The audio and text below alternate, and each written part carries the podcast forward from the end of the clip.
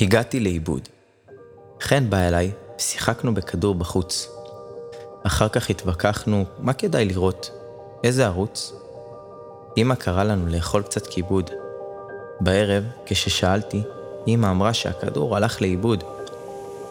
חן אמר לי פעם שהוא רוצה ללכת לאיבוד ולהביא משם הכל בחזרה, ושהוא חשב אם כדאי להגיע לשם באופניים, ברגל או בסירה. בבית ספר שאלתי את חן אם זה אי שהוא מכיר. חן אמר שהוא יחפש במפה שיש לו בחדר על הקיר. למחרת, חן סיפר שהוא לא מצא את האי, למרות שהוא חיפש אפילו מאחורי הראי. אמרתי לו, נראה לי שיש שם דברים שנעלמים. כדור, סוכריה, סוואטשרט, עיפרון ודברים דומים. אולי נחפש איזושהי מפת סתרים? אולי הם נמצאים מעבר להרים. חן הסכים איתי שחייבים לחקור את הנושא. חן ילד חכם, ואני חוקר מנוסה. שאלנו חברים, ואף אחד לא ענה. בלשנו בסוף המסדרון, מעבר לפינה. שאלנו את המורה למדעים על המצב הזה, הלא נעים. אבל בדיוק היה סוף ההפסקה, וכבר היינו עייפים. כל ההפסקה לא עצרנו לדקה. חזרנו לכיתה והחלטנו שכל אחד יחפש בבית אצלו. ומחר ניפגש ונחליט אם יש כזה מקום או לא. כל הדרך הביתה דמיינתי אונייה ששטה, ואני רב חובל ויש לי מלאכים. בלילה נחים וביום שמחים.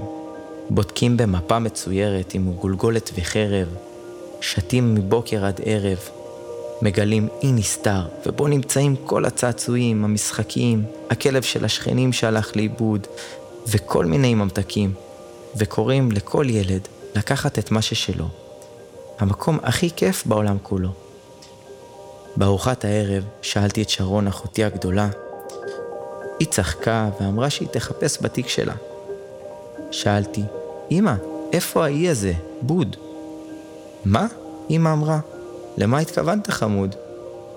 כשהסברתי לה שלשם הכל נעלם, ושלא מצאנו מקום כזה בכל העולם, ענתה בקול צרוד, זה מקום מאוד חשוד, מקום שממנו לא הכל חוזר.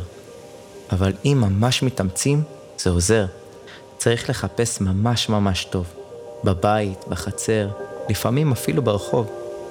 אבל בדרך כלל, עיבוד זה כאן, אצלך בחדר. כשמנקים אותו ועושים סדר, פתאום הכדור מתחת למיטה, את הסוואטשרט שכחת בכיתה, הסוכריה אצלך בבטן, אכלת אותה.